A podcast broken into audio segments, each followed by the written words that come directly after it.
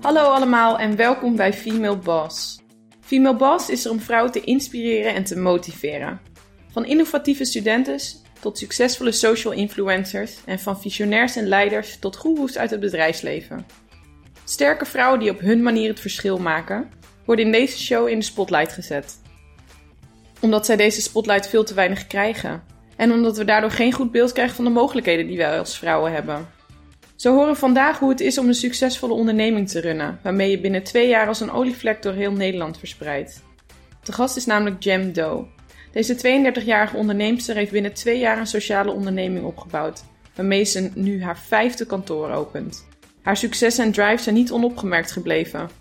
Afgelopen december won zij de Startup Award bij TEDx Women Amsterdam. Ik spreek Jem over haar weg naar ondernemerschap, blokkerende gewoonten, mannen versus vrouwen op de arbeidsmarkt en tips voor salarisonderhandelingen.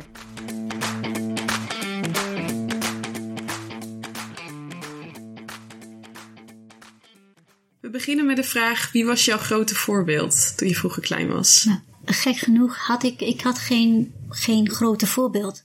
Ik had niet um, een, een, een held of een heldin waarvan ik denk, nou, op haar of hem wil ik lijken. Dus ik had het echt niet tot het moment dat ik echt ging werken en wist hoe de wereld in elkaar stak. Maar op, toen ik nog klein was, ik, ik had gewoon geen voorbeeld. Nee, en wie werd dat op dat moment dat je toen ging werken? Um, ja, dat waren mijn, de vrouwen, of in ieder geval de, de, de mensen binnen de organisatie waar ik werk, die heel extravert, heel zelfverzekerd. En dan, daar keek ik dan echt tegenop. Dus ik dacht vroeger ook dat je heel extravert moest zijn. En dat je altijd vrolijk moet zijn en, en uh, dat, dat dat goed is. En dat jou een, een goede werknemer of in ieder geval een goede ondernemer maakt. Dat dacht ik altijd. Oké. En je zegt dat dat dacht je. Op een gegeven moment is dus jouw mening daarover of jouw beeld daarop veranderd. Ja. Wat, wat was dat moment? Nou, uh, letterlijk de, de zolder van mijn ouders was het moment tussen uh, afmaken van mijn scriptie en wat ga ik nu met mijn leven doen. Uh, ik zat toen te solliciteren en dan kwam ik bij uh, vacatures. Ik moest een bijbaan hebben. Nou, de, ik moest bij de Action. Ik dacht, nou, ik moet een bijbaan hebben, Action. En toen moest ik gaan beschrijven waarom ik in godsnaam voor de Action wil werken. Ik dacht, maar ik wil helemaal niet voor de Action werken. Ik moet gewoon inkomen hebben. Ja. Dus, nou, ik ben op YouTube. En dan kom je te, terecht bij allerlei vage filmpjes, maar ook één TED-talk. En dat ging over de power of introverts. En dat heeft echt letterlijk mijn leven veranderd. Want ik TED Talk ging over de, kracht van introverte mensen, van verlegen mensen. En dat daarin ook heel veel kwaliteiten en krachten. En uh, dus ik dacht, hé, maar het is oké hoe ik ben. Dat is ook oké. Dat moment heeft wel echt mijn denken en ook hoe ik naar andere mensen kijk, hoe ik naar mezelf kijk, dat heeft, het, uh, ja, dat heeft echt enorm veel impact gehad. Het is wel bijzonder, want je dacht dus wel van jezelf, je zag die mensen en dames op je werk die heel extravert waren. Hm daarvan, toen had je wel door van zo ben ik niet. Ja. En toen dacht je dus van, maar wat als je niet zo bent, zijn er dan wel andere manieren? Ja, en zover dacht ik nog niet eens. Ik dacht altijd, um, ik hoop dat ik voor zo'n zo'n zo'n iemand kan werken en dan kan ik gewoon van haar leren. Ja. Nu, nu leer ik ook heel veel van extraverte mensen. Mijn beste vrienden zijn extraverte mensen, maar ik heb ook wel geleerd dat er ook um, heel veel kwaliteiten in juist die introverte mensen en hoe kan je dat zeg maar naar boven halen. En in het werk wat ik doe, zeg maar in, in het opleiden van, van mensen tot programmeur. Wij krijgen nog steeds wel heel veel uh, studenten binnen die, die van tevoren uh, heel verlegen zijn. Of, ik, dus ik herken mezelf heel vaak in de mensen yeah. die zich bij ons aanmelden. En dan, uh, dan vertel ik ook altijd dit verhaal. En dan Mooi. zie ik ook altijd wel knikken. Oh ja, ja dat, dat heb ik ook. En, nou ja. Dus om in die zin ook een voorbeeld te zijn, net zoals het TEDx-filmpje voor jou een voorbeeld uh, ja, de, was destijds. En wat was daarin um, aansprekend voor jou? Of waarin ze, wat voor kwaliteiten benoemden ze daarbij expliciet voor introverte mensen? Introverte mensen, nou, net als ieder mens, je kan hele goede ideeën hebben. Maar als je dat niet uitspreekt, dan weet niemand dat van jou. Uh, en ook, um, um, ik vind het fijn om gewoon in een, een rustige ruimte te werken. Want dan, dan, dan presteer ik het beste en dat is ook oké. Dus al die kantoortuinen en al die coworking spaces waar iedereen met elkaar gezellig aan een tafel zit, dat, dat dat hoeft niet de optimale manier te zijn om het beste uit iemand te halen. Daar gaat het eigenlijk om. Ja. Hoe haal je het beste uit iemand? Dus, dus al die dingen wat ze aangeeft waar je zelf best wel veel invloed op hebt. Uh, om het beste uit jezelf te halen. Um, nou, daar heb ik wel heel veel van geleerd. Bijzonder. En andere mensen misschien nu ook weer, nu jij dit vertelt, dat die uh, geïnteresseerd zijn in het filmpje. Ja, ja. Je vertelde net al wat over, uh, over jouw organisatie, door de plek waar je werkt. Je bent medeoprichter van Code Gorilla. Kun je vertellen wat dat voor organisatie is? Ja, wij zijn een, een sociale onderneming. Ik ben ooit, had ik bedacht in de tijd dat ik niet wist wat ik met mijn leven moest doen. Ik heb bestuurskunde gestudeerd en toen ik klaar was, dacht ik van god nee, dit wil ik niet de rest van mijn leven gaan doen. En toen had ik voor mezelf bedacht, ik wil voor een organisatie werken of een bedrijf waar ik in geloof, die ik tof vind en waar ik mezelf in zie meegroeien. En uh, ik ben opgegroeid in Emmen. Dat is Zuidoost-Drenthe, hele hoge werkloosheid, weinig werk. Maar wat er wel cool was, dat was een bedrijf, dat heet Katawiki. Dat is een online veilinghuis. Nou, ging in die tijd als een speer. was ja. een alle, de meest uh, snelgroeiende techbedrijf van Europa toen de tijd. Dus ik heb bedacht, ik moet bij Katawiki gaan werken. Ik vind ze zo tof. Ik ben van alles over de eigenaren gaan opzoeken. Ik heb hun interviews gezien. Nou, helemaal ingelezen. En uh, ze hadden net een funding binnen vanuit Silicon Valley. Ik geloof dat het 80 of 19 miljoen is. Dus Jeetje. ze konden in één klap konden 200 mensen aannemen. Het grootste gedeelte programmeurs, maar ook een enkele vacature op recruiters. Dus ik had bedacht, ik kan niet programmeren, maar ik kan wel mensen overhalen om voor Katawiki te werken als recruiter. Want ik vind ze zo tof. Ja. Al mijn, mijn scriptie opzij, al mijn ziel en zaligheid in de motivatiebrief, in mijn cv bijna liefdesbrief uh, gemaild ja. naar Katawiki. Dus en ik kreeg uh, na het weekend kreeg ik een heel nette mail terug. Bedankt mevrouw, maar uh, helaas, u bent het niet geworden. Oh. dus dat is een tegenvaller. Ja, maar ik had bedacht, nou ik moet en zal voor Katawiki gaan werken. dus ik moet iets leren wat zij zoeken. Dus ik was überhaupt wel altijd wel geïnteresseerd in IT. En net zoals iedereen heeft bijna iedereen heeft wel eens een idee gehad over een app of een website. Dus dat dat mezelf wil leren programmeren, dat wilde ik altijd al. Maar ik had altijd gedacht, om een goede programmeur te zijn, moet je goed zijn in, in, in wiskunde. En dan moet je gestudeerd hebben, informatica. Maar goed, door, door mijn wens om bij Katawiki te werken, ging ik toch op, op internet zoeken. Hoe kan ik mezelf leren programmeren? Ik begon gewoon bij YouTube weer. Oh wow. Tutorials en, uh, en zo zijn we online cursussen. Dus ik ben gewoon begonnen, uh, HTML, CSS, tot het moment dat... Allemaal zelf vanaf je zolderkamer nog? Ja, of, uh, ja. ja? echt waar? Oh, ja. te gek. Ja. Tot het moment van JavaScript, zeg maar iets, iets moeilijker, uh, zeg maar taal. Um, toen, toen liep ik vast en raakte gefrustreerd. En ik dacht, er zijn vast wel mensen die het met mij willen leren. Of een leraar die het mij wil leren. Of een bestaande programmeur. Dus ik ging op internet kijken naar meetups. Er zijn vast wel meetups. Ik weet dat de Girls Who Like Code bestaat. En uh, ik dacht, dan sluit ik mij daar gewoon bij aan. Ik moet en zal het leren. En die blijken er ook wel te zijn. Maar in Amsterdam, in Rotterdam. En ik dacht, ja, ik woon in Emmen. Hier is weinig, hier is niks. Dus moet ik maar het om mij heen gaan organiseren. Dan moet Ja. ik maar mensen vinden uit mijn regio. Um, en dan gauw viel bij mij het kwartje. Ik ben, bij ons is er heel, was of nog steeds heel hoge werkloosheid. En de vacatures die er wel zijn, dat zijn IT-banen. Dat zijn de, de banen programmeurs. Aha, nou één en één is twee. En daar is zeg maar code gorilla uit ontstaan. Dus ik ben um, mensen, werkzoekenden, uh, letterlijk de, de, de twee coaches, de twee programmeurs die ik ken, erbij getrokken. Kom, laten we dit gaan doen. Jullie leren het mij en ons. En zo ben ik begonnen met werkzoekenden uit Emmen. Uh, zijn wij die gaan opleiden. En dat bleek zo goed te werken en aan te slaan. Dat ik had al uh, vrij gauw door. Uh, oh, maar dit, dit is best wel heel bijzonder. En wat ik aan het doen ben, is in die zin bijzonder. Maar in Amerika, in steden zoals Silicon Valley en New York, daar bestaan al dit soort initiatieven. En daar is het ook al gewoon geaccepteerd door nou, dus de, de, de, studenten die daar in dat soort bootcamps uh, zitten. Die gaan naar Facebook, die gaan naar Google. Sterker nog, de, de, de grotere techbedrijven, die hebben veel liever een student van zo'n bootcamp van drie maanden, zoals wij die doen. Omdat die mensen hebben laten zien dat ze binnen drie maanden een compleet nieuw vak kunnen aanleren. Ja. Dus waar reguliere studenten vier jaar opleiding doen, doen zij, wij het in drie maanden. En met de IT, nou, iedereen kan wel aanvoelen wat je in jaar 1 leert, dat is over vier jaar al hopeloos verouderd. Dus dat onderwijs, dat moet überhaupt anders. Dus wij zijn dat gaan doen en, en ik dacht, maar dit is zo bijzonder. Hier moet de wereld van afweten. Dus iedereen die kon, me kon uitnodigen, want onze studenten wilden ik ook aan het werk hebben. Dus iedereen was heel sceptisch. Ja, gaat je niet lukken? Werkzoekende mensen die al heel lang niet meer werken en die leid je op binnen drie maanden. Dat kan gewoon niet. En dat waren mensen ook in jouw omgeving die zeiden dat het gaat je niet lukken. Ja, zeker. Ik had, in het begin had ik bijvoorbeeld ook geld nodig. Moest een investeerder hebben. Dus ik zat bij een investeerder aan tafel en uh, gepitcht. Nou, fantastisch. Hij zei, ik zou zo in jou investeren als je in Amsterdam zou wonen. Omdat je hier in Emmen zit, dat gaat je nooit van je leven lukken. Niet in deze regio. Jeetje. Ja, dat heeft me alleen maar vergeten. Nou, ik zal het Heeft je meer gemotiveerd? ja. Net zoals de afwijzing bij Ja, Katawiki in de eerste Ja. instantie.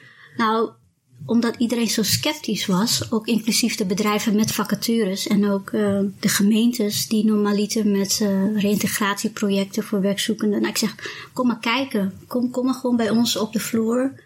Kijken in M hoe wij dat doen. En kom, nou, kom maar gewoon kijken. We bewijzen het wel. Toen liep het al en toen waren er al een aantal mensen opgeleid. Ja. Tijdens de opleiding. En eh, ik had van de, van de gemeente Emmen had ik, een pilotgroep nou, gekregen. En ze hebben ons mensen gestuurd. Nou, dat eh, noem ik maar even met alle respect het granieten bestand. Het zijn mensen die eigenlijk, waar de gemeente eigenlijk niks meer mee doet. Of Die al in heel geval- lang een eh, Precies. Werkloosheidsuitkering ja, doen we geen interventies meer op, bijna nou, opgegeven. Maar het, het bijzondere was, is dat ik was heel erg ehm, gebrand op dat ik ging lukken. Maar de mensen zelf, die wisten ook, ik heb het label granieten bestand. Ik zal jullie laten zien dat ik dit kan. Dus mijn eerste vier studenten uit de pilotgroep, die waren zo tot op het bot gemotiveerd. We hadden een coach, die vond het fijn om gewoon 's ochtends heel vroeg te werken. Dus om zeven uur 's ochtends zaten mijn vier, tien studenten te scrummen. En die gingen door tot diep in de nacht wanneer ik naar huis ga. En dan Echt zijn zij er nog. Dus jij was dus heel erg gemotiveerd, maar ook de Maar ja. studenten en de coach dus ook. Ja, ook omdat wij, wij, wij voelden wel aan, oké, als de wereld zegt dat we het niet kunnen, dan gaan we laten zien dat we het wel kunnen. Dus dat was gewoon heel bijzonder. En eh, ik heb toen, godzijdank, heel veel bedrijven en mensen uitgenodigd die bij ons kwamen kijken. En eh, uiteindelijk eh, was die eerste groep zo'n succes dat al gauw de, de andere gemeenten zeggen, nou, dit is zo bijzonder, dit willen wij ook in onze gemeente, kom ook, zeg maar, bij ons dit doen. Waanzinnig. En hoe heb je die mensen, want die mensen werden opgeleid en die moesten daarna Ja. nog weggezet worden in organisaties. Ja. Moest je daar je best voor doen of was er zoveel vraag naar? Er, er was heel veel vraag, alleen de bedrijven waren allemaal heel, heel sceptisch. En dat snap ik ook wel. Uh, maar de bedrijven die we bereid wisten te vinden om uh, de, onze studenten toch een kans te geven, die waren ook in die zin ook wel gecharmeerd van het verhaal. Kijk, want dat klinkt natuurlijk mooi. Maar uh, vervolgens um, is het wel zo dat onze studenten zich ook moeten bewijzen. Dus ik beloof de bedrijven ook niet, je krijgt een topprogrammeur, maar je krijgt wel iemand die zo gemotiveerd is, die zeg maar dit hele avontuur, want we hebben een hele strenge selectie, die eerst één maand thuisstudie, een hackathon van 30 uur, Wauw. dat, dat, dat zetten wij in als selectie. Oké. Okay. En vervolgens nog drie maanden dag en nacht uh, die programmeertalen leren. En kijk gewoon naar de leercurve van onze studenten. Waar staan ze op dag 1 en waar staan ze op de laatste dag? Dat houden we allemaal bij op GitHub. Op internet kan je allemaal volgen, al de codes. Um, en dan zul je zien dat die leercurve ontzettend hoog is. Dus stel je voor dat je een van onze studenten aanneemt. Is misschien nog niet de beste, maar heeft zichzelf wel bewezen dat hij, hij of zij binnen drie, vier maanden zich zo kan inzetten en een compleet nieuw vak aan kan leren. En in een snelheid, nou, waarbij normale studenten vier jaar over doen. En nou, met dat verhaal ja. kreeg ik de, de, de bedrijven wel overtuigd. En, wat, en hoe ziet de selectieprocedure eruit? Want je zei, we zijn wel streng qua selectie. Ja, ja want uh, kijk, we hebben nu al in, in een aantal steden heel wat bootcamps gehad. Ik vraag mezelf vaak af, en dan vragen mensen ook aan mij, waarin, wat zijn die succesfactoren dan? Hoe kan het dat iemand dit kan binnen zo'n korte tijd? En dan, dan zijn er eigenlijk drie factoren. En dat geldt eigenlijk voor iedereen. In welk vak dan ook. Je, je houding moet goed zijn. Dus wij zeggen ook altijd, um, um, die, die positieve werkhouding Zorg er gewoon voor dat als jij binnenkomt op kantoor of waar dan ook, dat jouw collega's en jouw werkgevers zeggen: Oh, fijn. Fjantje of Pietje is er weer. Oh, ik vind het heel fijn om met jou Mooi. samen te werken. Dus die Ja. goede houding. Ook de houding eh, van eh, niet van ik ben hier om te leren en jij moet mij wat leren. Of ik heb een probleem, dat moet jij voor mij oplossen. Maar kijk het altijd van de positieve kant en kom altijd met oplossingen. Of je kunt wel problemen be- benoemen, dat kunnen we allemaal heel goed. Maar bied ook alternatieven. Nou, Ja. Houding heel Heeft dat ook iets met eigenaarschap dan te maken? Dat zich eigenaar voelen van het probleem? Ja. Ja, dus alleen benoemen en droppen bij je collega's. Daar heeft je niet verder? aan. Nee. Ehm, mindset, dus de growth mindset. Dus, dus het eh, geloven dat, dat iets wat je vandaag nog niet kan, er heilig in geloven dat je het morgen wel kan, of over een maand of over drie maanden. En dan elke dag een stukje bij beetje iets leren, ook al heb je een rotdag. Je zorgt elke dag voor dat je iets, iets kan wat je gisteren nog niet kon. Dus die growth mindset. Ehm, en drie is, je moet echt willen. Dus je moet echt gemotiveerd zijn om, om überhaupt iets nieuws te leren, openstaan voor feedback. En ook ehm, uiteindelijk aan het werk gaan in dit vak, in de, in de IT. Dus die elementen, dat moet goed zijn. Dus als eh, wij krijgen nu ehm, uit onze verschillende steden, als wij een bootcamp openzetten, krijgen we heel veel aanmeldingen. Als voorbeeld, bijvoorbeeld in Enschede, daar hadden wij 84 mensen voor de bootcamp in Enschede. Allemaal hartstikke enthousiast. En, en eh, de eerste maand bij ons is een thuisstudie. Dus we geven je een, eh, een, een programma mee waarbij je de basis begint HTML, CSS, JavaScript, PHP. eh, dat leer je thuis. En wij verwachten elke week dat je de deelcertificaten bij ons inlevert. Dus die mail je naar ons toe, want dan kunnen wij zien, hey, zet iemand zich echt in. En het is ook voor de mensen zelf. Kijk, een baan in IT, dat klinkt leuk. Een programmeur, ja, dat klinkt ook mooi. Maar vind je het wel leuk? Als je het niet leuk vindt, dan hou je dat niet vol. Nee.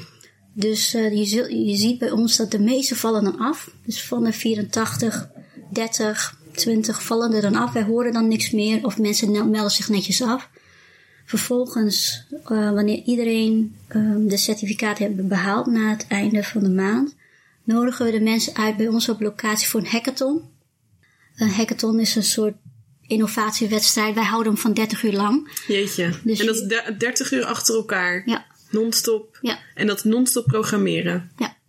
Mensen Gek. mogen uiteraard wel naar huis en slapen, maar alles in overleg met je team. Dus Ja. wij delen mensen op in teams van vijf of van drie.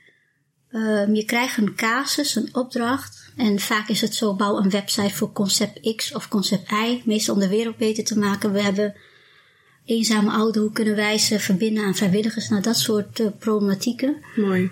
Eh, dus onbekende, vier onbekende mensen, een tijdsdruk van 30 uur. Ze moeten een product opleveren, want alleen een mooi PowerPoint verhaal, daarmee red je het niet. Je- Nee. Wij willen echt een, een MVP, een minimum viable product zien. En je hebt 30 uur de tijd. Heel veel succes. Dit is een stekkerdoos en dit is een laptop en doe je best. En aan het eind moet je het ook gaan pitchen met je team. En dat doen wij niet omdat wij willen zien dat je binnen 30 uur een, een, werkend product kunt opleveren. Maar wij doen het om te observeren. En want dat is ook wat enige wat wij dan doen tijdens die 30 uur. Wij observeren heel goed wie is er goed aan het samenwerken. Wie neemt de, de, de leidersrol. Wie communiceert heel goed. Nou, Een soort snelkookpan waar alle verschillende persoonlijkheden samen in worden gevoegd. Klopt, ja. En waarbij jullie kijken wat voor resultaat komt daaruit. Precies. En het kan zo zijn dat je technisch nog niet goed bent, maar alles qua sociale vaardigheden staat op groen. Dan kan zo'n iemand ook bij ons door. En wat wij ook vaak met, met onze kandidaten spelen, is een spel Keep Talking No One Will Explode. Dat is een, een bomspel. Eén iemand ziet de bom en de andere teamleden hebben het boekje waarin hoe je het kan ontmantelen. Oké. Dus de, de, degene die de bom ziet, die moet heel goed communiceren met het ieder in het team. En er is natuurlijk een tijdsdruk. Wij zetten de lampen uit, er is spots op je gericht. Oh. En je hoort de bom afgaan. Dus enorm veel stress en druk. Dus wij kijken ook hoe ga je met stress om. Want als je daar niet mee om kunt gaan, kun je, dan hou je die drie maanden ook niet vol. Nee. Dus nou ja, lang verhaal kort. Na die hackathon, wij selecteren uiteindelijk 20 of 30 mensen die uiteindelijk door mogen van de 84. En met die mensen beginnen we dan meestal na het weekend, dag 1, dan start de bootcamp. En wij zijn heel streng in de zin van, van de toon wordt echt gezet op dag 1. Zorg dat je daarvoor naar de tandarts bent geweest, naar de huisarts, wat je ook moet doen. Maar wij verwachten je de komende drie maanden elke dag op tijd. Als je ziek bent of wat dan ook. Je hebt maar, zeg maar, three strikes you're out. Ja, Oké, dat principe hanteren jullie. Als je een legitieme reden hebt. Bij de vierde keer kom je bij ons op gesprek en het gebeurt het daarna nog weer, dan is het gewoon einde. En dat is wel eens gebeurd? Ja. Dat, dat, eh, dat jullie dat moesten zeggen? Ja. Ja, Oké. Ja bij, de, ehm, bij mijn eerste pilotgroep, daar waren er niet 14, maar er waren er 16. Dus, eh, maar hoewel mensen, natuurlijk kunnen er altijd dingen gebeuren in overmacht, maar, maar wat wij daarmee willen doen, is dat, kijk, wij, wij willen niet streng zijn om het streng zijn. Maar uiteindelijk, eh, kijk, veel van onze studenten, niet allemaal, die, die waren lang werkzoekend. Dus wij zijn liever te streng, zodat ze het, wanneer ze echt aan het werk gaan, dan is het vast niet zo streng. Maar wij maken het je heel moeilijk, zodat alles wat je daarna krijgt, gewoon, ah, dat heb ik al een keer meegemaakt. En Ja. ik, ik heb een hackathon van 30 uur, dus wat jij mij nu, ah, dat, dat, Dat kan ik aan. precies. Die mindset. Ja. Wauw. En dan na die drie maanden zijn de mensen dus, eh, ik denk, een soort van afgestudeerd. Klaar met, eh, met de talen die ze op dat moment hebben geleerd. En dan worden zij eh, bij een opdrachtgever geplaatst. Ehm, de, de, de studenten die wij ehm, eigenlijk tijdens de bootcamp al, parallel aan dat zij aan het leren zijn, zijn wij aan het kijken van hey, bij welk bedrijf pas jij, waar staan op vacatures open. En wij stimuleren heel erg dat mensen zelf het initiatief nemen om op zoek te gaan naar vacatures. En daar waar nodig is, gaan onze accountmanagers die bellen het bedrijf voor, we leggen de situatie uit. Zeg maar, eigen initiatief is heel belangrijk, want als die boekcampsdag afgelopen is, wij kunnen er niet weer zijn over drie jaar. Mocht je ooit weer, dus Zij, zij zijn niet bij jullie in dienst? Nee. Oké. eh, hoewel wij wel, ehm, eh, sommige studenten nemen wij zelf aan vanuit de detachering, maar niet allemaal. Want wij zijn ook nog maar een startend bedrijf. We, zijn, we, we bestaan nu bijna twee jaar.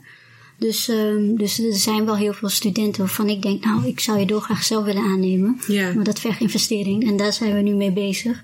Maar het is nu dus ook een investering, want jullie leiden de studenten op. Maar jullie kunnen niet dan er nog aan verdienen aan een soort vorm van detachering wanneer zij Ja, in dienst gaan. Ja, dat, ehm, wij verdienen dus aan die enkeling die wij wel gaan detacheren. Oké. Onze bootcamp kost gewoon geld. En ik vind het heel belangrijk dat de mensen die het niet kunnen betalen, daarom doe ik dit ook juist. Zodat de mensen die net zoals ik niet de kans hebben gehad om dit vak te leren, dat ze het toch kunnen. Dus de mensen die, ehm, die het niet kunnen betalen of vanuit een uitkering of wat dan ook situatie zitten, daarmee gaan we met de gemeente in gesprek. Zijn jullie bereid om zeg maar dit traject te betalen voor Jantje of Pietje? Want een ieder, nou dat verschilt misschien enkele duizend per gemeente, maar voor elke werkzoekend die in Nederland thuis zit, kost het ons, ons eh 26.000 euro per jaar. En het, eh, zeg maar, ons, onze bootcamp eh, kost 6.000 euro per persoon. Dus nou, dat leggen wij dan ook voor aan de gemeente, of wie dan ook. En is er zijn ook mensen die het zelf betalen. Het is een hele duidelijke business case ook naar de gemeente toe. Ja, En in welke gemeente zijn jullie nu actief? ja. We zijn in Groningen. Dat is eh, voor nu ons hoofdkantoor op de Grote Markt. Dat is een hele mooi kantoor in Gek, Groningen. mooie locatie. Ja. En in Leeuwarden, in Enschede, in Breda. En we zijn van plan om zeer binnenkort in ehm, Den Haag te starten. Oké. Ja, dus eh daar zijn... Dus jullie trekken wel iets meer naar de stad toe in, in de zin van eh, de G4, G5 Ja, gemeente. Ja, omdat daar ook gewoon simpelweg meer bedrijven zijn die op zoek zijn naar, eh, naar programmeurs. En hoe komen jullie erachter dat er bijvoorbeeld in Den Haag markt voor is? Ja, wij doen wij het onderzoek naar eh, de regio's waarvan wij denken of verwachten. ehm, of waar gewoon concreet al vacatures zijn. Maar ik geloof heel erg dat kijk, iedereen, of tenminste iedereen kijkt heel erg naar Amsterdam. Wat daar allemaal gebeurt met de start-ups en de bedrijven. En ik geloof heel erg in de, de regio Rotterdam, Den Haag, Zuidwesten. En ook in het zuiden. Nou, je hebt natuurlijk in Eindhoven, maar juist die randgemeente van IT-bedrijven of bedrijven die digitaal, digitale dingen doen, dat is, wat mij betreft, dat is niet, dat, daarvoor hoef je geen grote investeringen te doen, juist niet in Amsterdam, want daar is alles al zo vol. Dus ja, en, en aan de andere kant vind ik het ook, kijk, we zijn een, een sociale onderneming in de zin van, ik vind het heel belangrijk dat sociaal ondernemen, dus een probleem, maar wat wij, wat ik had gekozen, dat is veel werkloosheid, er zijn banen. En Den Haag, die profileert zich heel erg als de stad waar sociaal ondernemers goed geholpen worden met hun programma van Impact City.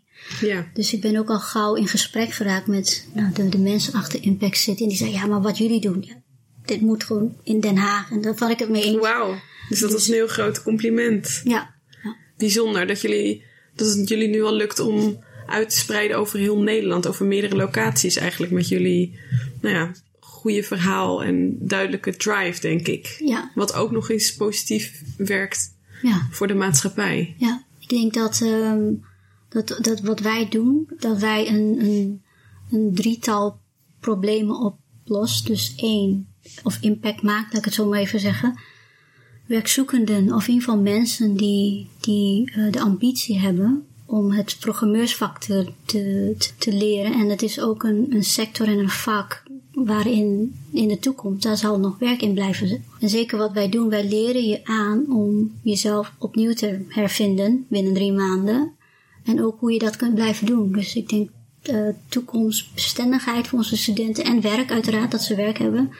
Voor gemeentes. Kijk, wij krijgen studenten binnen die niet alleen, kijk het is heel plat, een uitkering of geen uitkering. Maar vaak is het ook nog zo dat, dat onze studenten of zorgkosten hebben, verslavingskosten, nou, noem het allemaal maar op. Dus maatschappelijke kosten, die brengen wij omlaag.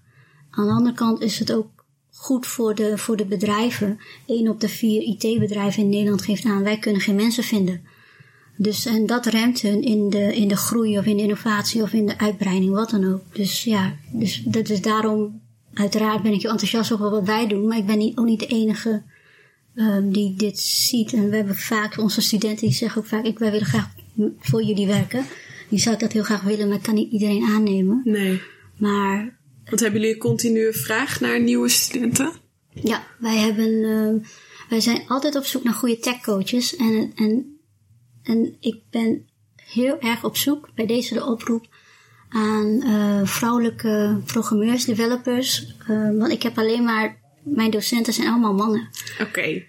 dus jij wil meer diversiteit. Ja, maar ook zodat onze studenten ook kunnen zien van, hé, hey, maar dit is ook iets wat een vrouw kan. Net zoals jij hebt gedaan op je zolderkamertje in eentje, dat het jou ook is gelukt ja. om die talen te leren. Nou, het, het, het jammer is, is dat ik ben blijven steken bij HTML en CSS. Dus ik kan, ik kan eigenlijk helemaal niet programmeren.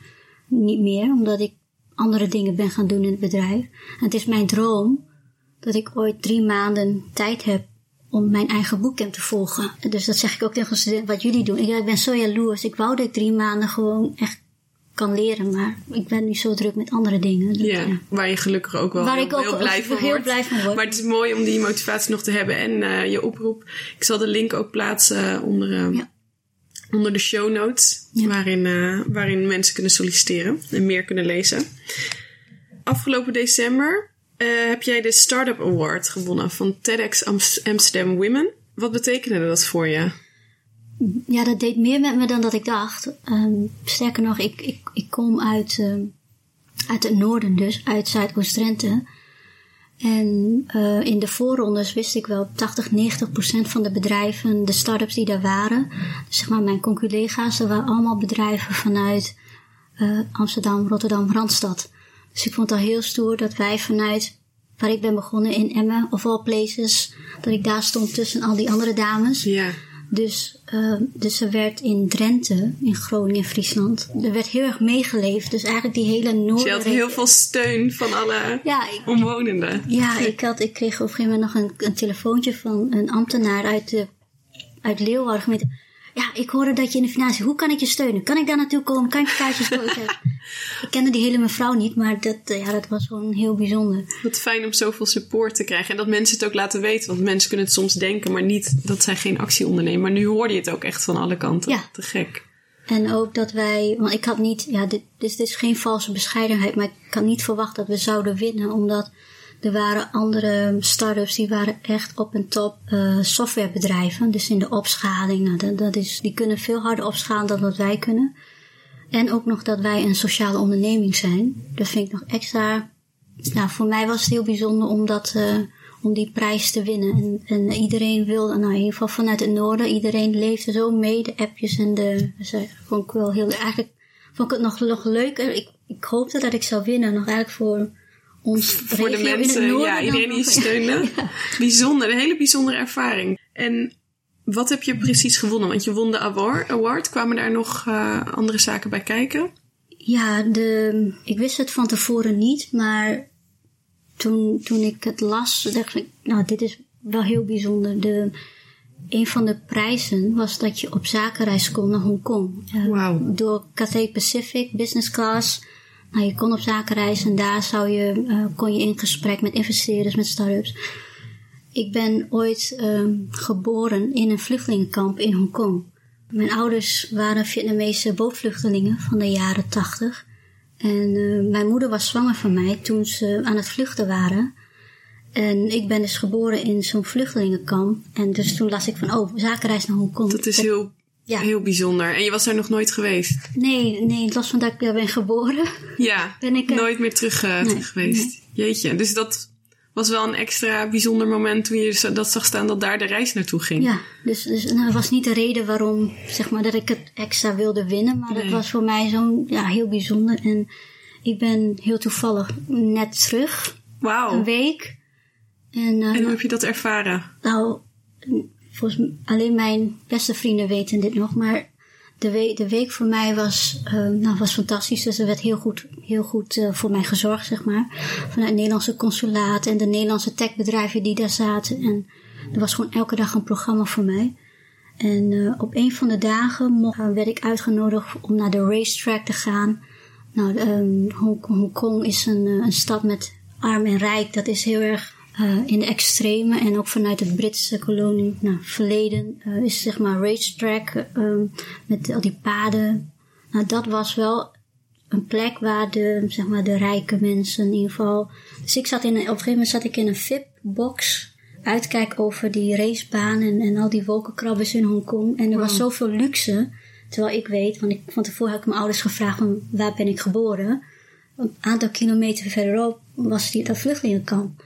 En dat contrast tussen waar ik ineens mezelf tussen al die belangrijke mensen zat in, in Hongkong. En dat was, voor mij, dat was voor mij zo bizar. Ik heb echt een, op de wc een potje zitten janken van...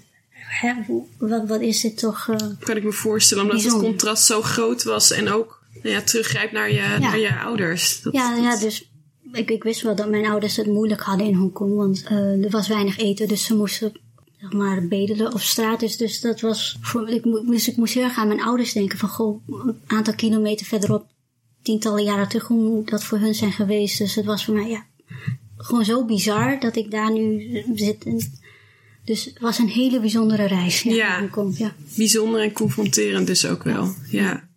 En dat was dus uh, de extra prijs die je daarbij uh, bij won naast de award. Ja. Ik vind het doodeng om voor een grote groep te spreken en te presenteren en te pitchen.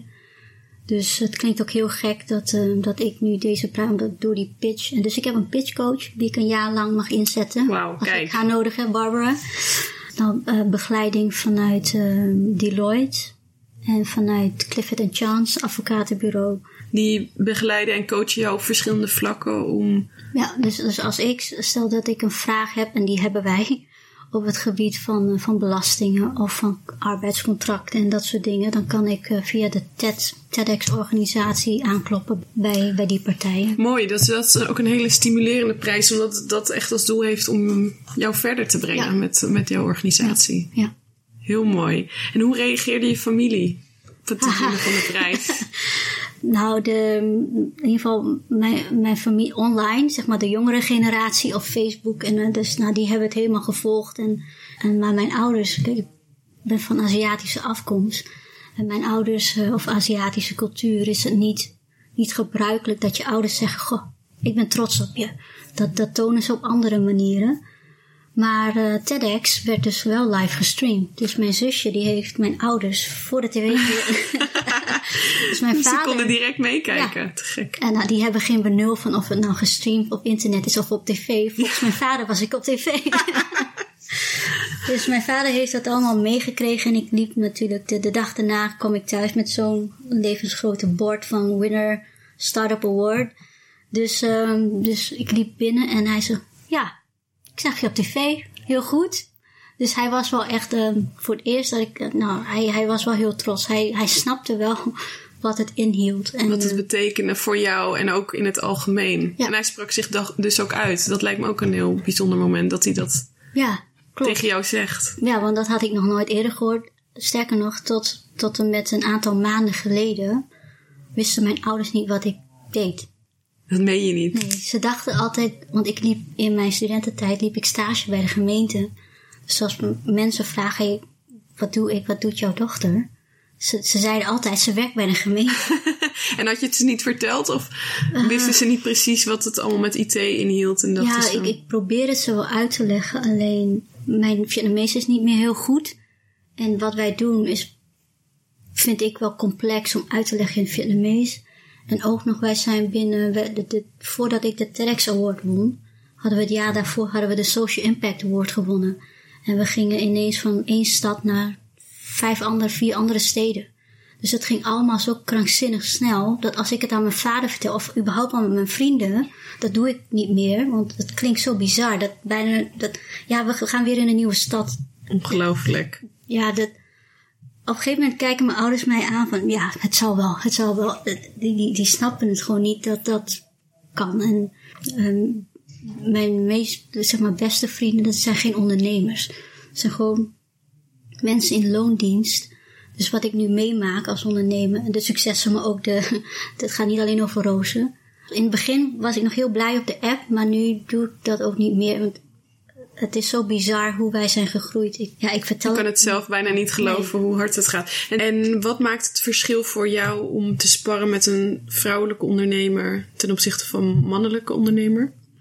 Nou, ten eerste is dat, zeg maar, investeringen, financiën. Nou, ik zou een voorbeeld noemen. Ik heb het zelf niet meegemaakt, maar van Ivana dan. De andere finalist, zij heeft gesproken met een, een investeerder, een vrouw nota bene, die zegt, nou top, zoek maar een co-founder. En uh, dat moet een man zijn. Dat meen je niet. Ja. Nou, dat soort ervaringen. Heeft zij toen gevraagd waarom die dame dat zei? Uh, dat gaf meer vertrouwen. Om een mannelijke ondernemer ja, ja. naast haar neer te zetten, omdat ze als vrouw alleen. Ja. Dat is een heftige, heftige reactie op iemand die dus eigenlijk met een heel goed idee komt, waar, ze, waar die vrouw van aangeeft Precies. ook achter te staan. Precies. En, en nu zijn de, de redenen die, die zo'n investeerder noemt van ja, een co-founder is altijd goed. En, maar, dat het gewoon een man moet zijn. Nou, dat maakt haar boos, maar dat, dat maakte mij ook zeg maar, ja, boos. Het werd expliciet uitgesproken, dus dat zegt wel iets. Ja. Ben jij zelf niet uh, tegen aangelopen? Nou, ik heb, uh, nou, ik heb wel het nodige meegemaakt, laat ik het zo maar zeggen. Maar ik ben er, in mijn dagelijkse werk ben ik er niet mee bezig. Ik ben vrouw en ik ben aan het ondernemen ik merk wel vaak dat als ik ergens kom, nou, ik heb, mij, ik heb wel een co-founder, een, uh, Jelle, hij is wel een man, zeg maar. En daarin, eh, Jelle en ik wisselen elkaar uit. Uh, ik ben iemand, ik kan heel goed het verhaal vertellen, ik kan heel goed enthousiasme aanwakkeren. En als het gaat over contracten, et cetera, dan laat ik het over aan Jelle. Niet omdat ik het niet kan, omdat ik het gewoon niet leuk vind. Nee, heel goed. Jullie vullen elkaar aan. Jullie doen allebei wat jullie leuk vinden. En waar jullie goed in zijn. Ja, maar ik heb wel meegemaakt in... Kijk, ik, ik ben nu gelukkig, ben ik twee jaar verder. Ik zeg nog niet dat ik heel ervaren ben.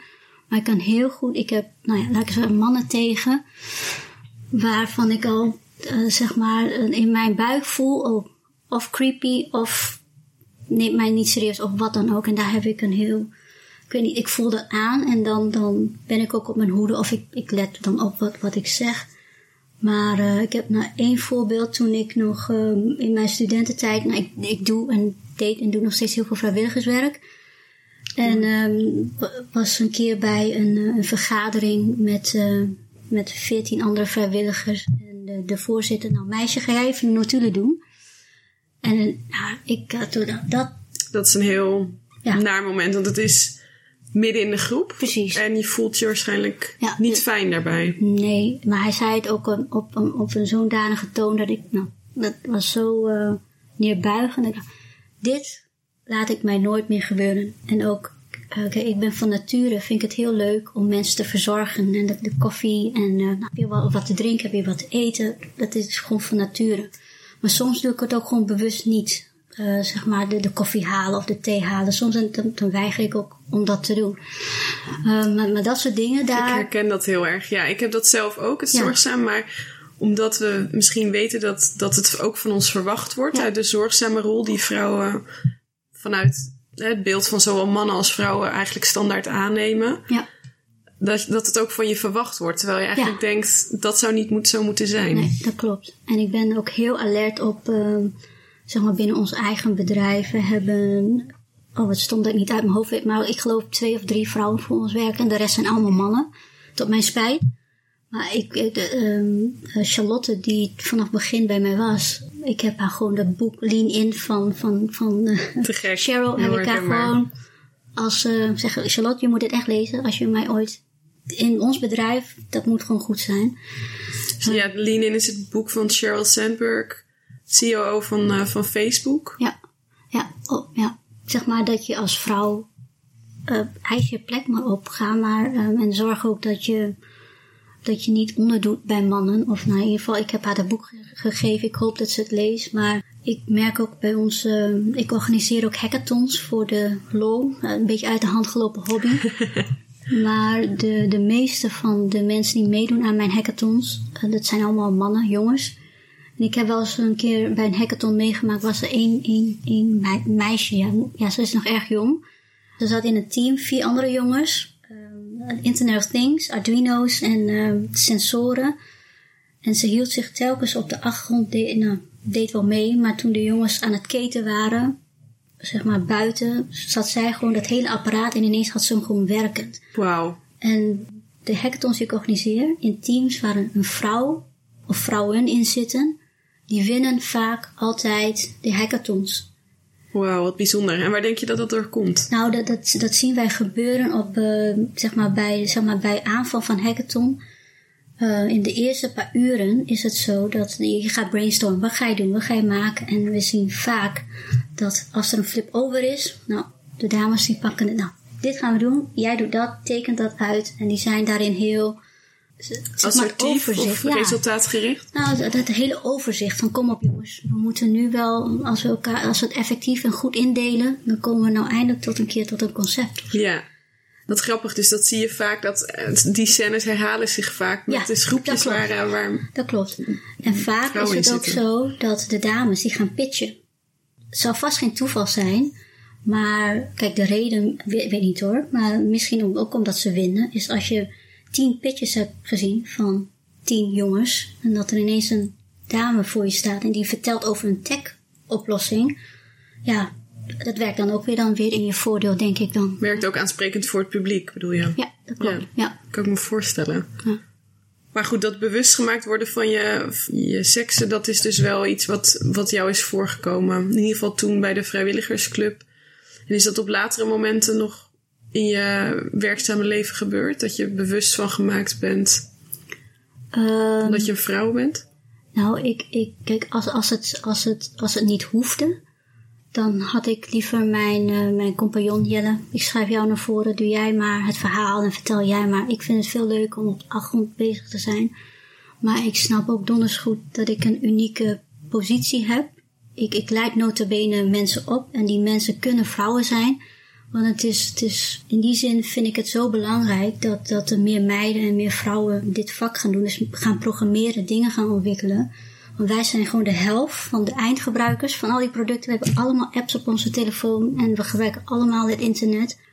Dus er is ontzettend veel vraag naar nu al en dat zal ook zo blijven. En Klopt. De vrouwen zijn dus ondervertegenwoordigd in, de, in dit vak. Ja. 12% van het totaal. Dat, ja, is, dat is heel erg laag. Ja. En wat, wat doen jullie bijvoorbeeld aan om meer vrouwen te werven? Of om vrouwen enthousiast te krijgen voor dit vak? Helaas heb ik zelfs nog niet de heilige graal of het antwoord daarop. Maar ik vind wel dat ik, omdat ik dit podium heb en het bedrijf wat ik heb, ik dwing mezelf om zeg maar wel het podium te pakken. Wel zeg maar te pitchen bij TEDx terwijl ik dat doodeng vind. Of wel die interviews te doen of laten zien dat het ook kan en dat een, een vrouw bijvoorbeeld ook een, een, een tech-onderneming kan leiden. En, en, en ik ben vandaag vanuit Emmen naar Breda gereden om een pitchtraining te geven. Wij hebben daar in totaal nu daar drie vrouwen. Ik vond het zo belangrijk dat ik daar toch, ik moet dit doen. Ik moet zeg maar spreken. En ik heb ze ook vandaag gezegd, fantastisch dat jullie er zijn. We moeten meer vrouwen hebben. Um, want als ik mensen op straat, als ik jou vraag van nou, noem eens een, een, wie is de CEO van Facebook, Twitter, we weten het allemaal op te noemen, Google. Nou, noem me nu eens één dame die succesvol zo'n bedrijf aan het leiden is. Nou, ik Zullen weinig mensen een antwoord op weten. Jij kent er waarschijnlijk iets meer, omdat je er ook in verdiept. Ja, en uh, ik heb een, uh, nou voor mezelf, ik heb nu wel een, een, een, een rolmodel of een voorbeeld waar ik tegenop kijk. En dat is uh, Whitney Wolf. Zij is een van de mensen aan de begindagen van Tinder. Dus zij heeft samen met de, eerste team, eerste uur, hebben ze Tinder zeg maar gebouwd. Tot het moment van sexual harassment en van alles moest zij het bedrijf verlaten. Dus heeft ze zelf nu een, eh, een, een andere dating app gebouwd. Bumble heet het. En uh, als je haar opzoekt op Google en je ziet haar team. Dat zijn allemaal dames. Echt super stoer.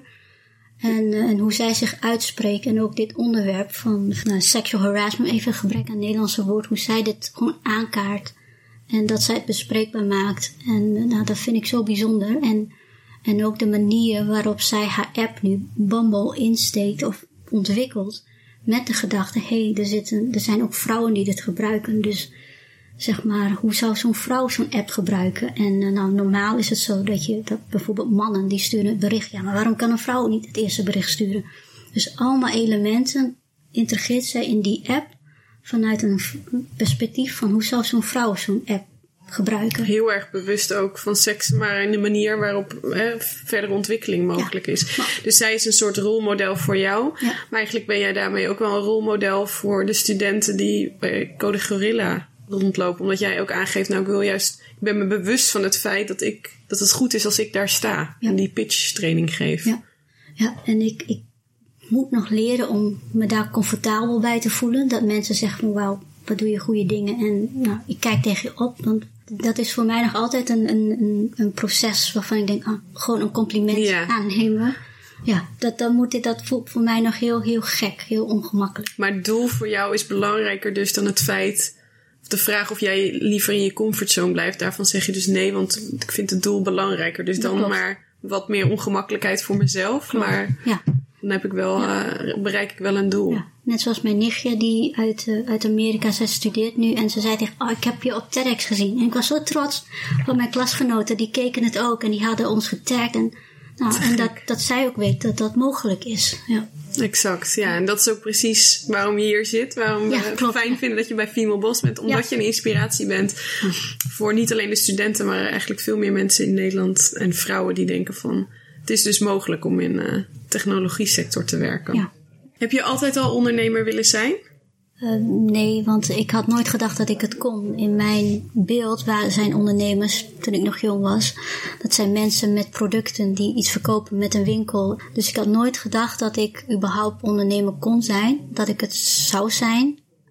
En uh, ik was ook niet bewust bezig met dat, hé, hey, ik ben aan het ondernemen. Ik ik heb mezelf pas bij de Kamer van Koophandel ingeschreven. Tot het moment dat ik nu echt, toch echt een factuur moest sturen. En toen moest ik ook heel snel een naam bedenken en al dat soort dingen. En dus pas toen durfde je te geloven, toen het eigenlijk al zover was? Ja, want eh, kijk, van huis uit, nogmaals, ja, van Aziatische afkomst. Mijn ouders, die, kijk, hun idee van succes is dat je een, een baan hebt.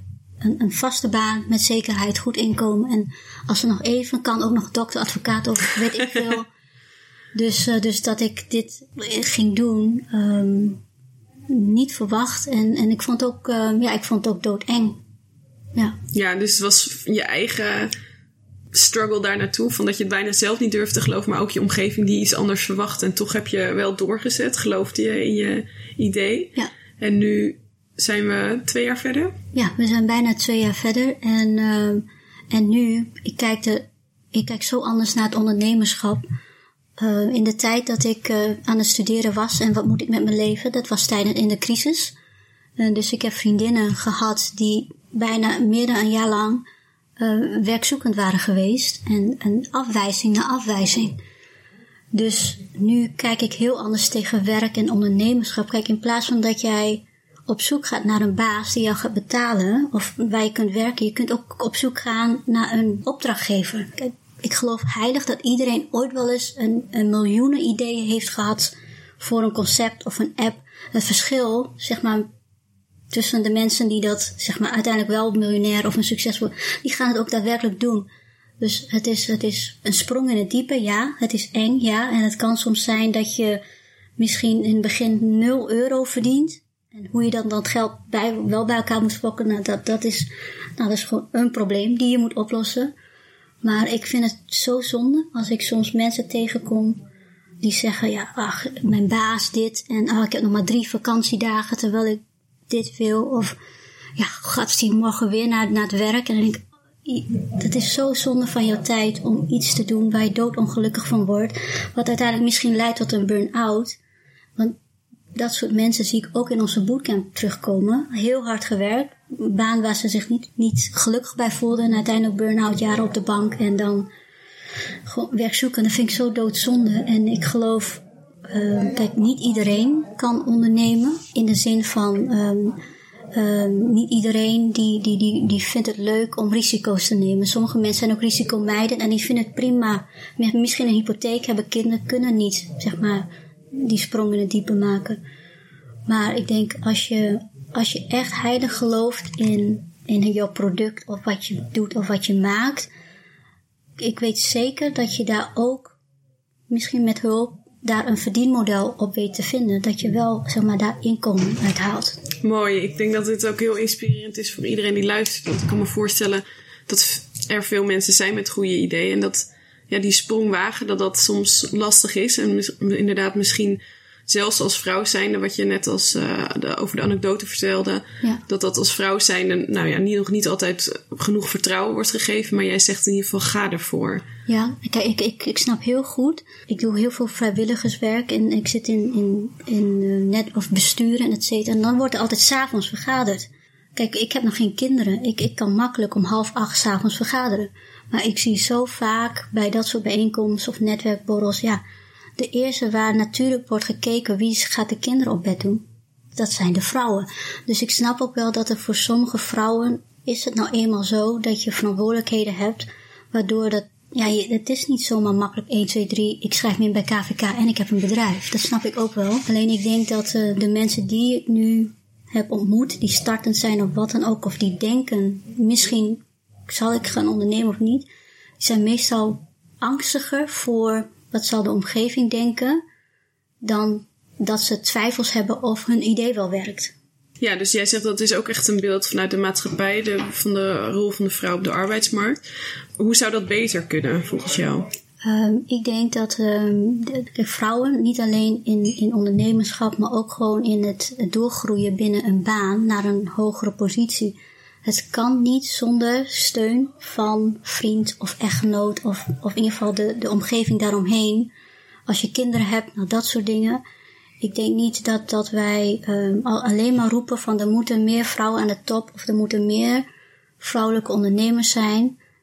Ja, dat vind ik ook. Alleen alles, zeg maar, wat daarvoor nodig is, een goede kinderopvang, een betaalbare kinderopvang, een, een echtgenoot die zegt, ja, ga jij maar, ik, ik pas vandaag wel op de kinderen. Dat, dat soort randzaken waar we misschien heel snel overheen kijken, dat soort dingen moeten ook veranderen voordat zeg maar. Uh, dat we het doel kunnen bereiken dat we meer vrouwelijke ondernemers en meer vrouwen aan de top. Dus er moet aan de randvoorwaarden voldaan worden om het überhaupt mogelijk te maken. Ja. Want de motivatie, de kans is groot dat die er is en de, en de ideeën. Maar de, dat aantal problemen zou verminderd moeten worden, zeg jij. Ja, dat is... Dus inderdaad de support van, uh, van de partner. Ja. Ik denk dat dat uh, een van de belangrijkste randvoorwaarden... Nou, dat, moet, dat moet überhaupt. Dus dat, dat, laat dat voorop staan. Maar ik denk ook, en dat zie ik ook bij um, de, de mensen die ik ontmoet... Zeg maar de, de drive om zeg maar de top te bereiken... of het nou in ondernemerschap is of, of in het bedrijfsleven... Ja, spijtig genoeg zie ik die drive ook niet altijd bij, bij de meeste vrouwen terugkomen. Want als je dat wil, ik werk 80 uur in de week, misschien wel niet meer, maar je moet, je moet wel die inzet tonen. En, en als voor sommige vrouwen, die, als zij zeggen van ik ben gelukkig als ik gewoon mijn hypotheek kan betalen en ik, ik heb gewoon mijn, mijn leven. Dan, en als zij dat oké vinden, is het ook oké. Maar ik denk dat, dat de, de kijk, één rolmodel hebben we over gehad. Maar um, durf nou gewoon te zeggen van ja, ik wil, de, ik wil en zal de top bereiken. Linksom of rechtsom. En uiteraard moet je daar heel hard voor werken. Maar af en toe mis ik nog wel die, die, die drive van vrouwen om daadwerkelijk ook echt die, die top te bereiken. En, uh, en nou, voorbeeld van mezelf, ik dacht altijd, nou, Nederland, fantastisch als wij in Nederland heel veel locaties hebben. Totdat ik naar Hongkong ging. Oh ja, maar dat is ook, de wereld is ook nog groter dan Nederland. Dus Ja. het grootst durven denken, dat, dat, dat doe ik nog, ik zelf ook nog niet altijd goed. Maar ik kom wel eens eh, jonge, jonge, jonge, jonge mannen tegen, begin twintig. Ja, wij gaan de wereld veroveren. Onze app die gaat, nou, dit wordt gewoon een miljardenbedrijf. En, en zeg maar die bravoure, dat mis ik bij mezelf, maar dat mis ik ook nog bij anderen. Dus daar kunnen Ja. we heus nog wel eh, nog heel veel in winnen. Ja, dus inderdaad stappen maken in die mindset en grote durven denken en ook dat wellicht uitspreken, omdat dat misschien ook wel Ja. meer brengt wanneer je het uitspreekt. ja, en zeker als je start met ondernemen, zeg maar, überhaupt je, je verhaal vertellen, wat je aan het doen bent, dat, dat helpt al zo enorm, want bijna iedereen wilt je wel helpen. Dus überhaupt om om hulp te durven vragen, spreek het gewoon uit. Toen ik begon, ik wist, ja, dit klinkt dom, maar ik wist niet, ben ik een eenmanszaak of ben ik een VOF? Dus nou, dat, dat sprak ik me uit bij een, een toevallig bij een, een coworking space, maar daar zat toevallig een Adriaan die is belastingadviseur. Nee, jij bent een eenmanszaak. Dus Ja. Dus die bood meteen hulp en dat was eigenlijk geen probleem. Terwijl je daar misschien, Ja. als je daarover na gaat denken, heel erg tegenop ziet om te delen. Dat klopt. Ja, dus dat, jij kwam er daardoor achter. Ik spreek het gewoon uit en Ja. een soort hashtag durf te vragen Precies. in het echt, zeg maar, Ja. in, het, eh, in het echte leven. Ja. Mooi. Ja. Ja, en dat is misschien wel een, goede, een goed bruggetje naar eh, een onderzoek. Of tenminste twee onderzoekers. Sally Helgesen en Marshall Goldsmith. Die hebben jarenlang onderzoek gedaan naar eh, succesvolle vrouwen. En eigenlijk naar obstakels die hun verdere weg naar succes belemmerden. En zij definieerden twaalf van dit soort blokkerende gewoonten. Ja. En jij hebt dit, je hebt dit vooraf gelezen. En jij klopt. hebt erover nagedacht van of jij je herkent in, in een van die gewoonten. En is er een gewoonte die je herkent en waarvan je zegt, ja, dit heb ik weten te veranderen, waardoor deze blokkering bij mij nu uit de weg is. Ja, eh, nou meerdere punten hoor. Niet, niet één. Maar bijvoorbeeld het, eh, het overwaarderen van expertise. Eh, vroeger kon ik enorm tegen mensen opkijken. eh, al dan niet in hun extraverte gedrag of in hun functie of wat dan ook. Maar omdat ik nu, nou in, in deze afgelopen jaar heb ik zoveel meegemaakt, zoveel mensen ontmoet. Uiteindelijk zijn het zijn, ook gewoon maar mensen. eh, in een sollicitatiegesprek of in een, in een gesprek over onderhandelen. Er zitten gewoon mensen tegenover je. Dus ik, ik kijk niet meer zo gauw tegen iemand op. Nee, In de zin van, ik, ik laat mezelf ook niet denken van ik ben minder of eh, mag ik alsjeblieft met jou samenwerken. Dat, nee, want dat gebeurt dan automatisch. Dat je jezelf daardoor lager plaatst wanneer je Ja, tegen iemand opkijkt. ja, nou een voorbeeld van, eh, van onze studenten uit de bootcamp. Wij nodigen wel eens bedrijven uit. En we hadden wel eens bij een open dag, zei een van onze studenten tegen een ander, de mannen met de leren, leren schoenen, dat zijn werkgevers. Dus die, die, die plaatsen Oh, zich zo minder dan, ehm, en, en dat is iets wat ik heel erg eh, herken. Maar dat doe ik nu niet meer. Nee, dus dat is een stap. Dus dat heb je de afgelopen jaren geleerd. En Ja. dat, daar heb je zelfs zeg maar, soort van in overwonnen. Ja. merk je nog wel dat die gedachte opspeelt en dat je, denkt, dat je hem dan weet af te wimpelen door te zeggen: ja, maar het zijn ook gewoon maar mensen. Nou, ik heb het gek genoeg, heb ik het niet meer bij mannen. Ik raak niet meer zo gauw onder de indruk van een, een bestuursvoorzitter hier. Of, ik heb het wel bij vrouwen. Dat ik denk, oh, wat, wat ben jij cool of tof. Daar kan ik nog wel heel erg eh, Ja. van onder de indruk zijn. En hoe komt dat verschil, denk je? Dat je dat bij mannen niet meer hebt en bij vrouwen nog wel? Ik, ehm, ik weet het niet. Ik, misschien omdat ik ehm, die vrouw nog gewoon bewonder. Ja. Dat, dat bewonder een, een In goed- positieve Precies, in zin. positieve zin. En ik heb wat mannen betreft al zoveel meegemaakt. Zeker in, in de sector waar ik in zit, in de IT-sector. Ik heb al zoveel meegemaakt en al zoveel mannen ontmoet waarvan ik van tevoren dacht, nou, zo dat, die is nou, uiteindelijk niet, zeg maar. En ook nare ervaring dat ik heb van, nou, daar kijk ik niet meer zo van op. Nee. Nee. En komt dat misschien ook omdat mannen misschien wel iets, iets meer zelfvertrouwen hebben. Dat, nou ja, wat je net zei, brutaal hebben de halve wereld. Ja. Daar kwam het eigenlijk een beetje op neer dat de mannen eigenlijk aangaven van mannelijke jonge ondernemers die dat zeiden we gaan de hele wereld veroveren. Dat het misschien dat mannen iets meer beter zijn in dat nou ja, grote doelen en misschien iets en, meer en dat, bluff. dat, dat prik ik nu gewoon doorheen. Dat, dat, eh, toen wij onze account managers of de, de, de, de, zeg maar de salesafdeling gingen aannemen, nou, dan zei Jelle tegen mij, nou we moeten zo'n stereotype jongen hebben die, die, die het gewoon leuk om dingen te verkopen en dat soort dingen. Dus, dus ik heb genoeg van dat soort mannen ontmoet nu en ook in sollicitatiegesprekken. Dus dat, vaak is het ook gewoon lucht. Dat ik denk, nou, Ja. ja, ik, dan, dan kijk ik gewoon naar hun. Dan vind ik het ook bijna lachwekkend hoe... eh, Ja, ja, ja. Je kijkt er heel anders ja, tegenaan. klopt, ja. Maar Bijzonder hoe je daarin bent gegroeid. Ja, Door ervaringen dus rijker geworden ja eigenlijk. klopt. ja. En herken je ook in een gewoonte waar je, nou, waar je zegt van daar, daar struggle ik nu nog mee? Mhm. Eh, nou, wat ik wel heel lastig vind is zeg maar eh, terughoudendheid bij het claimen van de prestaties. Ik ben heel gauw geneigd, en dat doen denk ik heel veel vrouwen. Ik, ben, ik heb het niet alleen gedaan. Dit is ook zeg maar door mijn team. En vaak is dat ook gewoon zo, een team effort. Maar er zijn ook dingen die gewoon echt door mij zijn gelukt. Of, en, en daar ben ik nog veel te bescheiden in om, om dat echt te claimen. Bijvoorbeeld de, de Startup Award. Ik ben degene die heeft gepitcht. Hoewel ik wat verhaal vertel van wat wij doen. Maar eh, en daarbij merk ik nog een soort gêne of zo. Ik weet het niet. Dat, dat, dat vind ik nog heel ongemakkelijk. Ja, dus een bescheidenheid Ja. die veel voorkomt bij vrouwen. En waardoor je misschien ook dat je eerder denkt van. Want je vorige verhaal van dat je mannen nou ja, eerder daar, daar Ja. doorheen prikt door Terwijl verhaal. Dat vrouwen meer bescheiden zijn. Terwijl ik dat ook gewoon weet. Misschien komt het ook vanuit mijn cultuur hoor. Misschien is wat verhaal wat ik vertel niet representatief voor andere vrouwen. Maar bij onze Aziatische cultuur, je gaat jezelf niet op de borst kloppen van kijk, dit heb ik gedaan. Dat, dat zeggen anderen over je. Dat, Ja. dat doe je niet. En ik merk ook nu, ja, wat, wat ik nog niet, wat ik nog, eh, waar, wat ik zou graag zou willen veranderen, is dat soms zijn eh, bijvoorbeeld bepaalde taken of dingen waar ik heel goed in ben. En dat kan ik ook gewoon zeggen dat ik daar heel goed in ben en dat, dat ik het wel doe.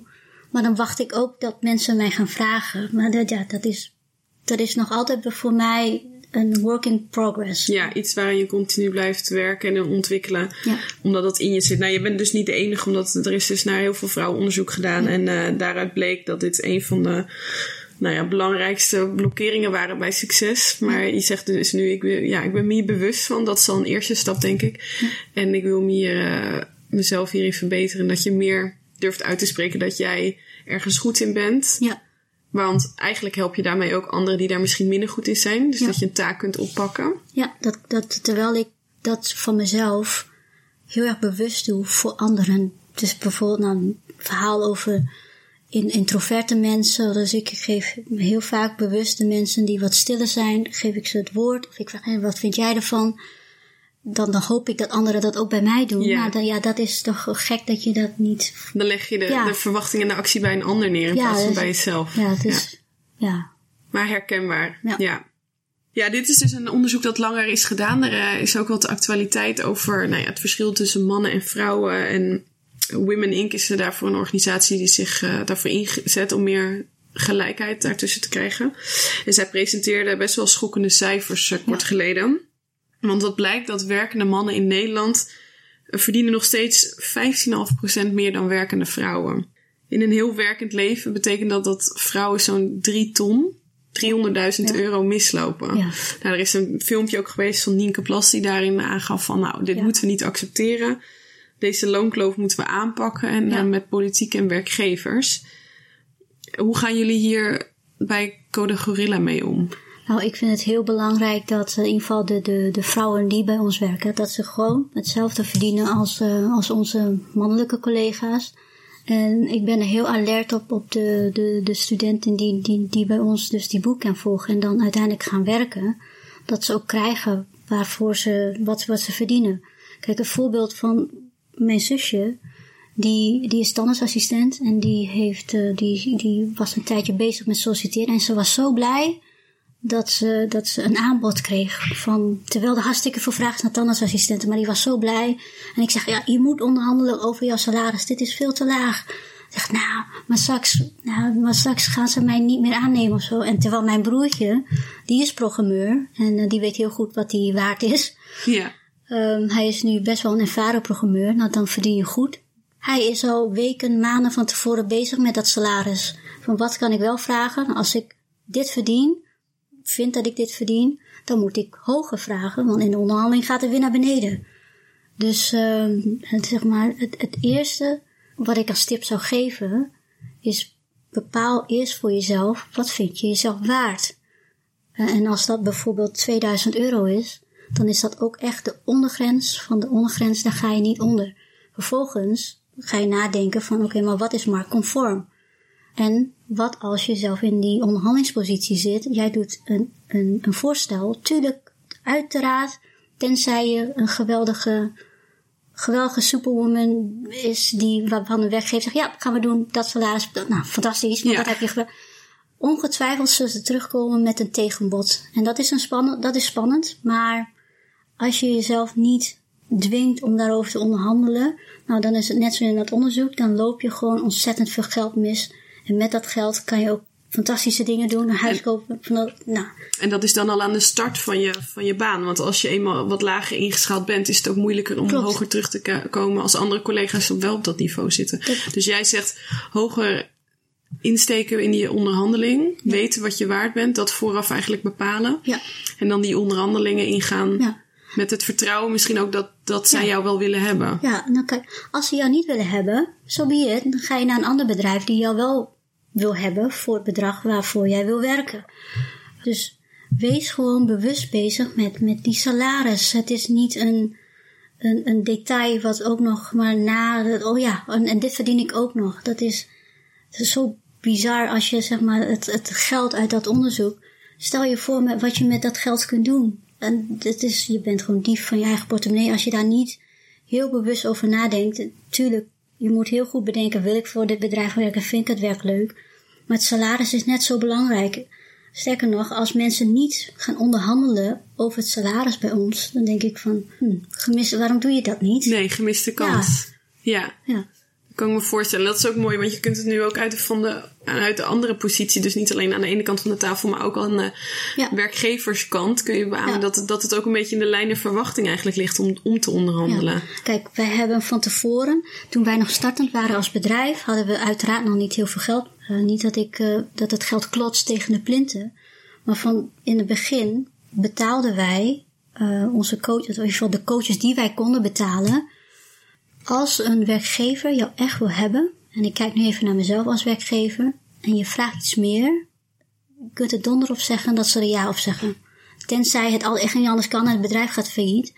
Maar als een bedrijf jou echt wil hebben, en je vraagt meer dan, hè, dan wat ze van tevoren hadden willen geven, maar je kunt in het gesprek of waar dan ook, je kunt jouw waarde goed naar voren laten komen, vaak is het zo dat een werkgever daarmee akkoord gaat. En dan kijk ik gewoon echt naar mezelf. Ja. Zeg maar, of er is een manier uh, om daar naartoe te groeien. Ik heb bijvoorbeeld ook een coach gehad, konden wij nog niet betalen. Maar ik wist dat hij heel erg goed was en ik wilde gewoon echt met hem samenwerken. Dus heb ik gewoon met hem afgesproken. Nou, wat vind jij dat je verdient? Oké, okay, dat kan ik jou nu nog niet betalen. Maar we kunnen er wel naartoe groeien. Ik kan jou, nou, als je voor mij eerste zes maanden. Want we kennen elkaar, ik ken jou, maar het moet nog in de praktijk een klik zijn, et cetera. Dus de eerste zes maanden, als je ermee akkoord gaat met mijn aanbod, dan gaan we daarna gaan we richting jou, wat jij graag wil verdienen. Dus, uh, dus het hoeft ook niet eens een definitief antwoord te zijn van nee. Je kunt ook al, oké, okay, maar hoe kan ik daar dan wel naartoe groeien? Ja. En is het dan ook nog nodig dat de kandidaat die op dat moment voor die rol zichzelf beschikbaar stelt, dat zij ook heel duidelijk aangeven en ook kunnen uitspreken waarom ze van een bepaalde waarde zijn? Ja, ja, dat is, dat, is, dat is heel belangrijk. Als jij kunt aantonen aan jouw werkgever waarom ze juist jou moeten hebben, of waarom jij iets toe kan voegen wat de volgende persoon die misschien buiten de deur zit niet kan doen, nou, dan, dan is het bijna toch logisch dat een werkgever denkt, oh ja, maar jij kan wel iets brengen wat iemand anders die na jou komt, die kan dat niet brengen. En, en dan kom ik even terug op over waarderen van expertises. Vaak is het zo dat mensen bij een sollicitatiegesprek ingaan met de gedachte: Oh, ik hoop dat ze me echt aannemen. Nee, een sollicitatiegesprek is niet van neem mij alsjeblieft aan.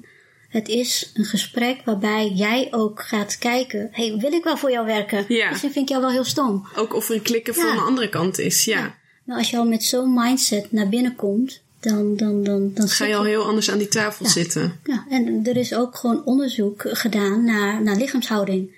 Naar hoe jij jezelf gedraagt binnen een, een sollicitatiegesprek. Ze hebben allemaal sollicitatiegesprekken laten zien aan Harvard aan studenten. Het geluid werd gemute, dus ze zagen alleen lichaamstaal en lichaamshouding. En de studenten konden bijna met zekerheid zeggen, die wordt wel aangenomen, die wordt niet aangenomen. Alleen maar op basis van, van lichaamshouding. Super inspirerend. Dus, als de, dus je weet hoe mannen zitten. Dus heel, hè, ze zijn er, ja. maken zichzelf groot. Manspreading, zeg maar. Ja, ja, ja, ja. Net als in het openbaar vervoer. Precies. En eh, kijk, daarmee winnen ze al de wereld. En vaak is het ook nog zo dat als wij voor een sollicitatiegesprek, dan kijken we nog even op ons mobiel. Want je moet toch tijd doden. Dan maak je jezelf klein, want je zit te scrollen. En het blijkt nou, als jij jezelf klein maakt als lichaam, dan, dan, dan ga je zo'n gesprek ook in met, min, met minder eh, testosteron. Dus met minder. Dus voordat je een sollicitatiegesprek ingaat, ga de wc in. Maak jezelf groot, pep jezelf op.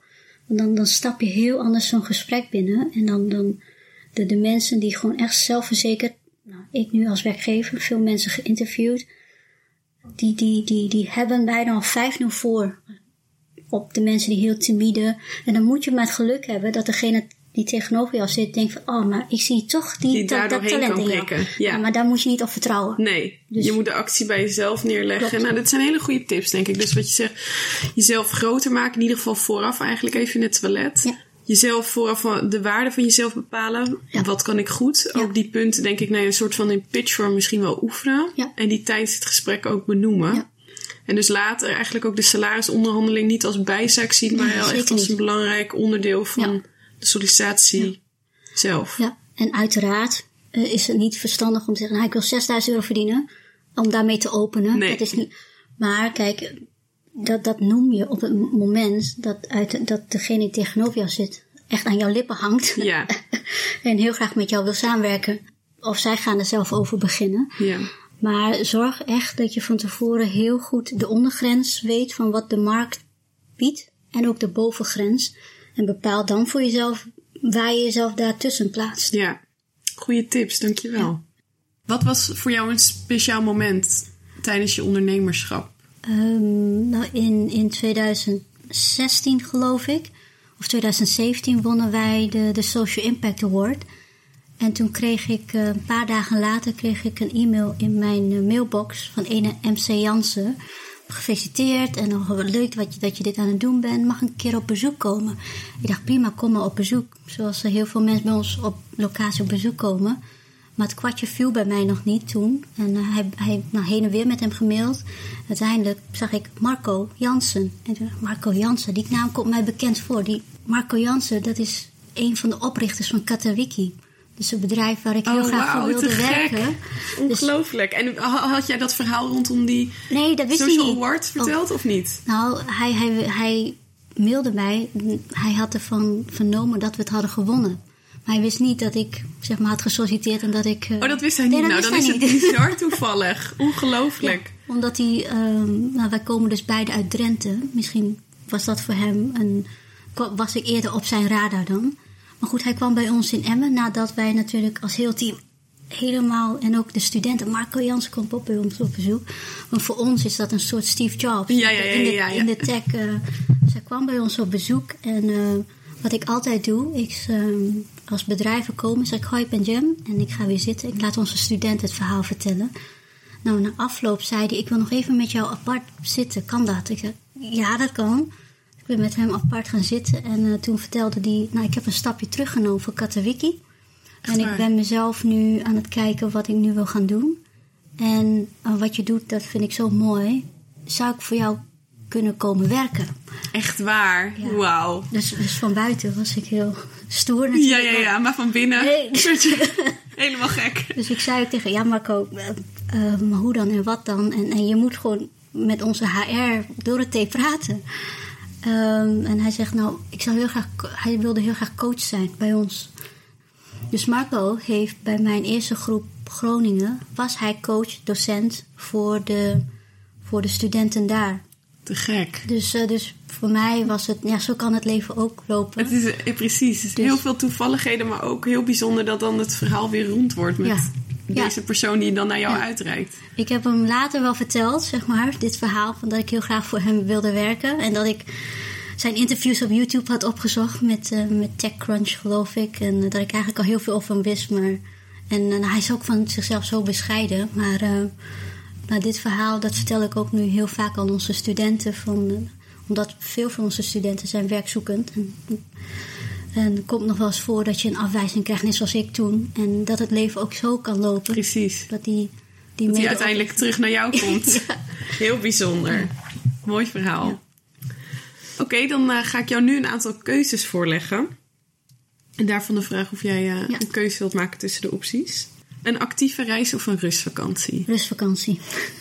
je maakt veel uren en uh, bent blij als je klopt. af en toe vrij kunt zijn. Dat klopt, ja. Wel of geen vrouwenquotum? Oei. Oeh, dit ligt genuanceerd. Oh, dit vind ik echt een, een lastige vraag. Want kijk, als je, als je het niet benoemt, überhaupt dat het probleem er is, dan zijn mensen daar niet bewust mee bezig. Maar waar ik heel.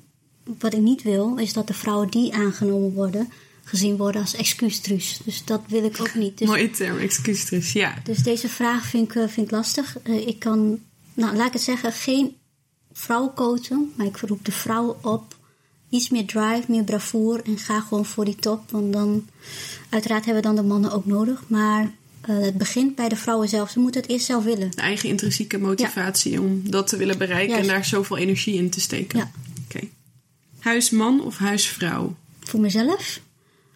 Uh, ik weet het niet, want ik, ik heb nog nooit een relatie gehad met een andere ondernemer. Dus kijk, in mijn werk wat ik doe, ik, ik, ik, kan me nu niet voorstellen dat ik kinderen zou hebben, want dat, dat kan gewoon niet. Ik heb, mijn nichtje was even op bezoek vanuit Amerika en ik zag haar nauwelijks.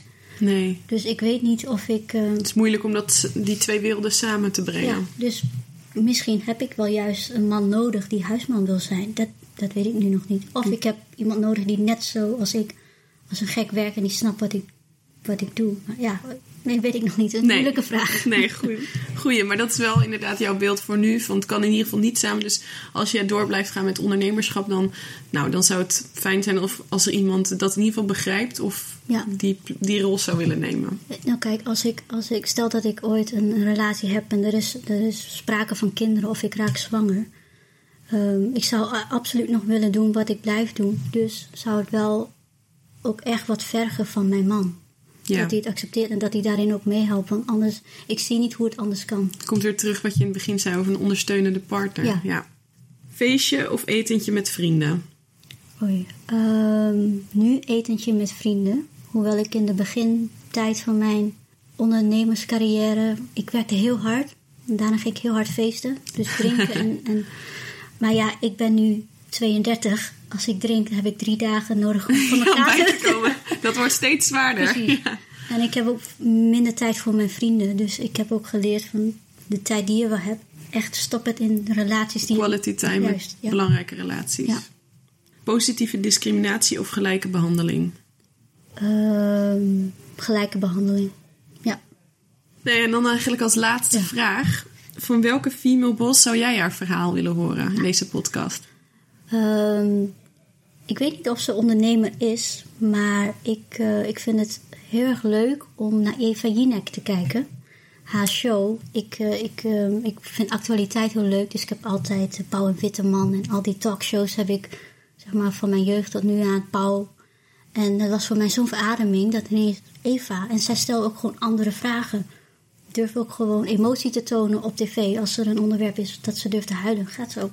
Dat is heel anders dan, eh, dan de, de zittende Ja. de mannen die veel programma's Ja. hosten. Dus, eh, dus het, ja, als we bij deze Eva laat je interviewen. Als zij haar verhaal zou, willen vertellen, zou zou, wel eh, heel cool zijn. Ja, zou mij ook heel blij maken. Ja, Ja. ja, zeer inspirerend. En, en is ook hoe zij het nu combineert Juist. met het moederschap. Dus ze is net moeder geworden en toch weer terug op tv. Ja, En ook om vooral die blik van hoe combineer je nou zo'n gezinsleven daarnaast. Inderdaad, Ja. moet je daarbij een ondersteunende partner hebben of pakt zij het anders aan? ja, en ook zij heeft politici of wat dan heeft ze allemaal geïnterviewd. Dus ik denk dat zij ook hele mooie verhalen weet te vertellen vanuit, nou, vanuit de media of de journalistiek. Ja, te gek. Diem, heel erg bedankt Ja, voor jouw tijd en jouw mooie tips en verhalen. En ik denk dat, dat ik en nou de luisteraars daar ook heel veel mee, eh, mee kunnen. Ja, graag gedaan. Ik heb genoten, dankjewel. Dank je. Heb je genoten van deze podcast? Beoordeel Female Boss dan met 5 sterren en abonneer je op de show, zodat we samen meer vrouwen kunnen inspireren, motiveren en waarderen. In de show notes op femaleboss.nl zijn de aanraders van Jam terug te vinden. En oh ja, laat mij in de comments weten van welke female boss jij graag haar verhaal zou willen horen. Wie weet zit ze volgende keer tegenover mij.